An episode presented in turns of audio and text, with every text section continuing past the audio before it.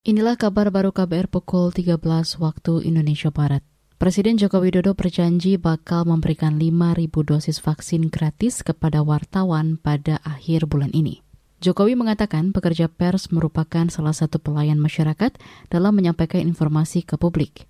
Janji itu disampaikan Jokowi saat peringatan Hari Pers Nasional 2021 di Istana Negara hari ini. Untuk awal nanti di akhir bulan Februari sampai awal Maret nanti untuk awak media sudah kita siapkan kira-kira 5.000 orang untuk bisa divaksin. Ini termasuk pertama nanti keluar dari Bio Farma 12 juta, kita berikan 5.000 untuk awak media. Dan kita sekarang ini sedang fokus vaksinasi terhadap tenaga kesehatan Presiden Jokowi juga mengakui tantangan yang dihadapi industri media pada saat pandemi sangat berat. Wartawan selalu mengabarkan perkembangan situasi dan menjadi jembatan komunikasi antara pemerintah dan masyarakat. Program vaksinasi COVID-19 di Indonesia dimulai sejak pertengahan Januari lalu. Sebagai tahapan awal, vaksin diberikan ke tenaga kesehatan. Selanjutnya, vaksinasi diberikan kepada petugas publik termasuk TNI, Polri, aparatur sipil negara, dan pelayan publik lain. Kita ke mancanegara.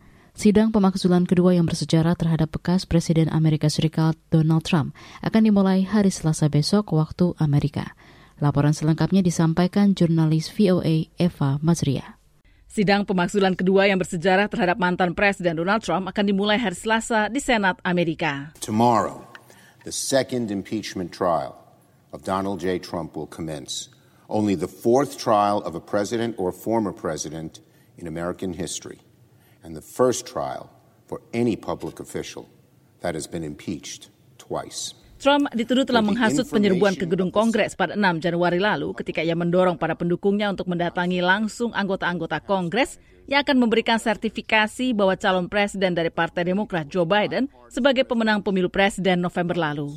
Demonstrasi itu bergulir menjadi kekacauan ketika sekitar 800 orang pendukung Trump menyerbu aparat berwenang di Kongres mendobrak pintu dan jendela, menggeledah sejumlah kantor anggota Kongres, dan bentrok dengan polisi. Lima orang tewas termasuk seorang polisi gedung Kongres yang kini kematiannya diselidiki sebagai kasus pembunuhan dan seorang perusuh yang tewas ditembak polisi.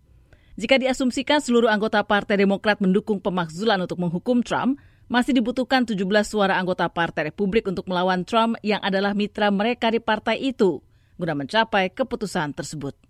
Seva Masreva, VOA, Washington.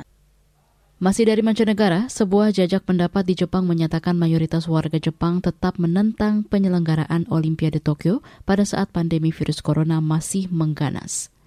Laporan Reuters menyebut jejak pendapat itu dilakukan media Jepang Yomiuri Shimbun. Jajak pendapat itu menyebut 61 persen responden menginginkan Olimpiade 2021 ditunda atau dibatalkan sama sekali. Namun presentasi individu yang tidak setuju mengalami penurunan secara signifikan dari jajak sebelumnya. Pada jajak pendapat sebelumnya, ketidaksetujuan pelaksanaan Olimpiade mencapai 80 persen. Olimpiade Tokyo 2020 ditunda lalu karena pandemi COVID-19 dan dijadwalkan ulang untuk berlangsung tahun ini mulai 23 Juli. Demikian kabar baru KBR, saya Naomi Liandra.